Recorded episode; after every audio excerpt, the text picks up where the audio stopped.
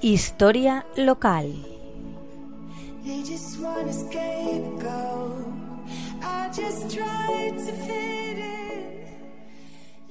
Buenas tardes, amigos de la Tegua Radio. Seguimos hablando de las bibliotecas, porque, como os decía en capítulos anteriores, leer no es solamente un verbo, leer es magia. Además, leer en libros de papel aunque lo podamos combinar con el libro electrónico, es una experiencia única que nos ayuda a mejorar la memoria y la concentración y nos proporciona placeres inigualables. Con la invención de la imprenta se produjo una evolución sociocultural que, que, podemos calificar de revolución. Actualmente, la tecnología de la impresión ha sido la gran aliada del libro, por permitir precios más competitivos. Si no lees no pasa nada, si lees pasa mucho.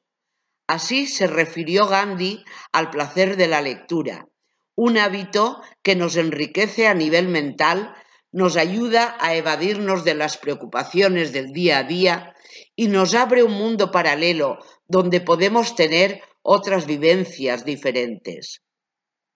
Podemos afirmar que la lectura de un libro nos lleva a conocernos a nosotros mismos a lo largo de nuestra propia historia como civilización, a comprender su importancia y la necesidad de la presencia de ese celoso guardián de la memoria y el conocimiento, aliado fiel, discreto compañero, que nos deja un grato sabor en el paladar intelectual.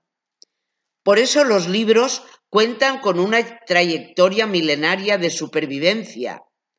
Humberto Eco decía que pertenecen a la misma categoría que la rueda, la cuchara o las tijeras, objetos que rozan la perfección y que probablemente nos acompañarán siempre. El tiempo que dedicamos a la, a la, lectura puede variar y muchas veces influye el libro que estamos leyendo, porque hay libros que realmente enganchan y no nos damos cuenta del paso del tiempo. Lo importante es encontrar los momentos para leer. Hoy estamos en plena era del ebook o libro electrónico. No obstante, esto no significa que los libros de papel se estén extinguiendo. Los libros impresos conviven con sus nietos digitales y siguen fascinando con su insustituible olor de papel impreso. Por eso, amigos, os animo a visitar las bibliotecas, que se han convertido en un lugar de encuentro, impulso y diversión, un lugar donde puedes alimentar tu amor por la lectura y tal vez también donde puedes conocer a mucha gente, saber cómo iniciar tu nuevo negocio o sumergirte en la tecnología con la cual solo soñabas. La biblioteca de Monóvar funciona estupendamente. Es cercana y te pueden asesorar en tus preferencias, pero está en tus manos entrar en ella o en una librería y sumergirte en el fascinante mundo de los libros. Pues con estas recomendaciones, amigos, hasta la semana que viene, un cordial saludo.